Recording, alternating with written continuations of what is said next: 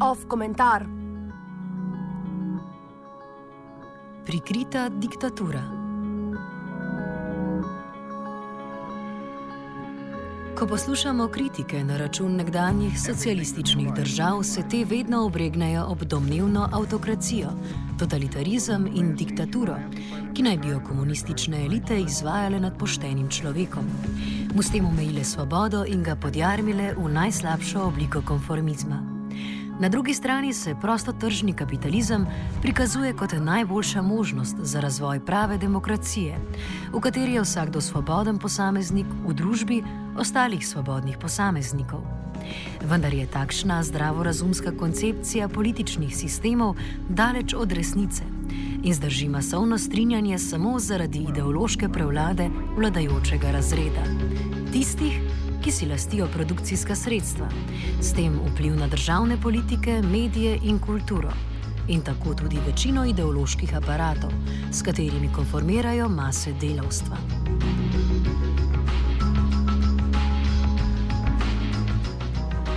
Najbrž je prva točka, na katero se obesi vsaka kritika socialističnih sistemov, zloglasna tajna policija, ki jo je premogla prav vsaka izmed socialističnih držav. Po Jugoslaviji je tako harala Udba, po vzhodni Nemčiji Štazi, po Sovjetski zvezi KGB in tako dalje. O enakih strukturah na drugi strani železne zavese seveda ni govora. Čeprav so obstajale že takrat, dan danes pa so se razrasle prek vsake človeku dojemljive meje. Poglejmo zgolj nedavni zloglasni primer Ameriške agencije za nacionalno varnost, NSA, ki je svojo jurisdikcijo razširila dlje kot je mogla katerakoli tajna služba vzhodnega bloka.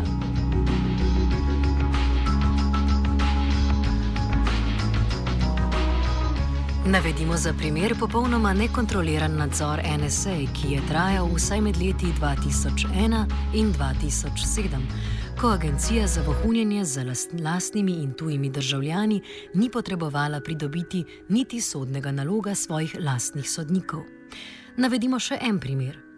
Če bi vse dokumente, ki jih je v svojem delovanju zbrala nemška štazi, razporedili v prostoru, bi skupna površina znesla 19 tisoč km2, kar je približno površina dveh nogometnih igrišč.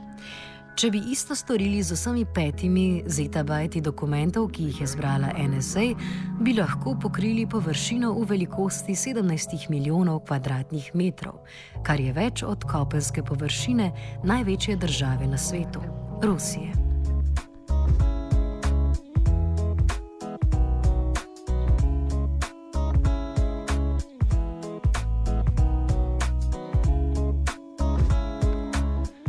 Pustimo ob strani dejstvo, da lahko NSA zaradi tehnoloških prednosti pridobljene podatke uporabi veliko hitreje in učinkoviteje kot štazi in da je slednja agencija bila eden izmed razlogov za prevrat vzhodno-nemškega režima. Danes pa skoraj nihče ne dvigne glasu zaradi mnogo obsežnejše vohunske agencije.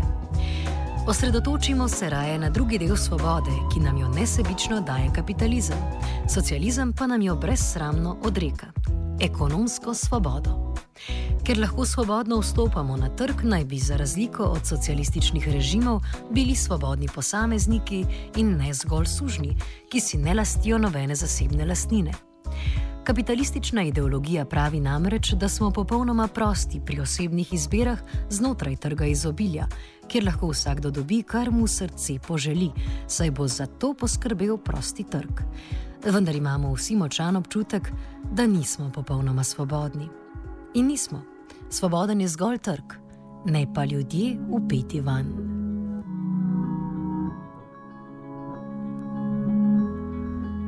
Točka kritike socializmov, najbrž tudi najbolj izpostavljena, so zločini nad človeštvom, ki naj bi bili inherentni socializmu. Seveda kritiki pozabljajo, da gulagi niso nikakršna izmišljotina Marksa ali Lenina, da so v ruski kulturi obstajali že za časa carja, davno pred oktobrsko revolucijo. Saj smo vendarle brali Dostojevskega. A pustimo to ob strani in se vprašajmo, zakaj kljub očitnim zločinom, ki se dogajajo v Guantanamu, še vedno mislimo, da živimo v boljšem svetu. Čeprav je ravno kapitalizem neposredno odgovoren za desetine milijone smrti zaradi suženstva, vojn, masakrov, genocidov in državnih prevratov. Desetine milijonov smrti zaradi lakote so prav tako posledica sistema, ki stran vrže skoraj polovico pridelane hrane.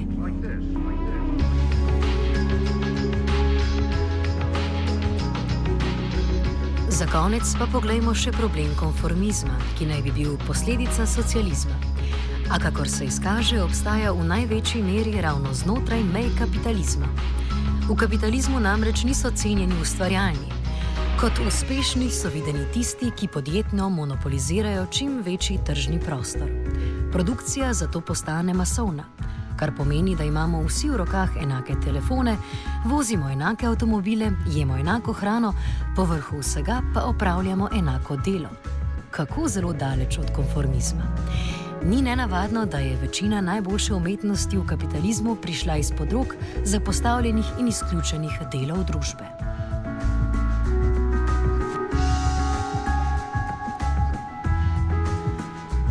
A kapitalizmu, priznajmo, je mojstersko uspelo eno: ideološko podjarmljenje ljudstva v popolno konformnost skozi surovo atomizacijo posameznikov.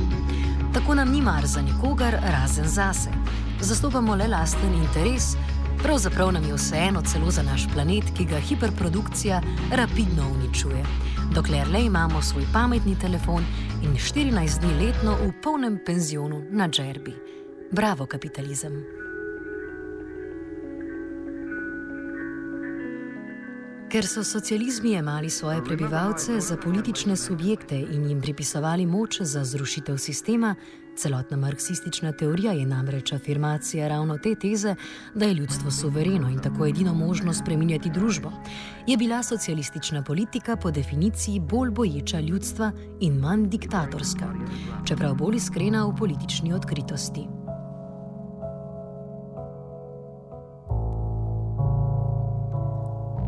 Ta tekst ne bo razumljen kot debata, ali nam je bolje danes, ali nam je bilo bolje pred 30 leti. Dejstvo je, da smo bili jebeni takrat, da smo jebeni danes in bomo tudi jutri, okolikor ne preberemo nekaj teorije, spoznamo svojih napak, se organiziramo in aktivno zahtevamo radikalne družbene spremembe skozi popoln prevrat razmerij moči.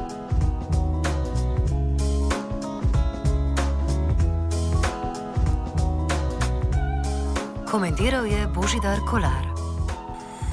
Oh. Oh. Oh. Oh. Oh. Oh.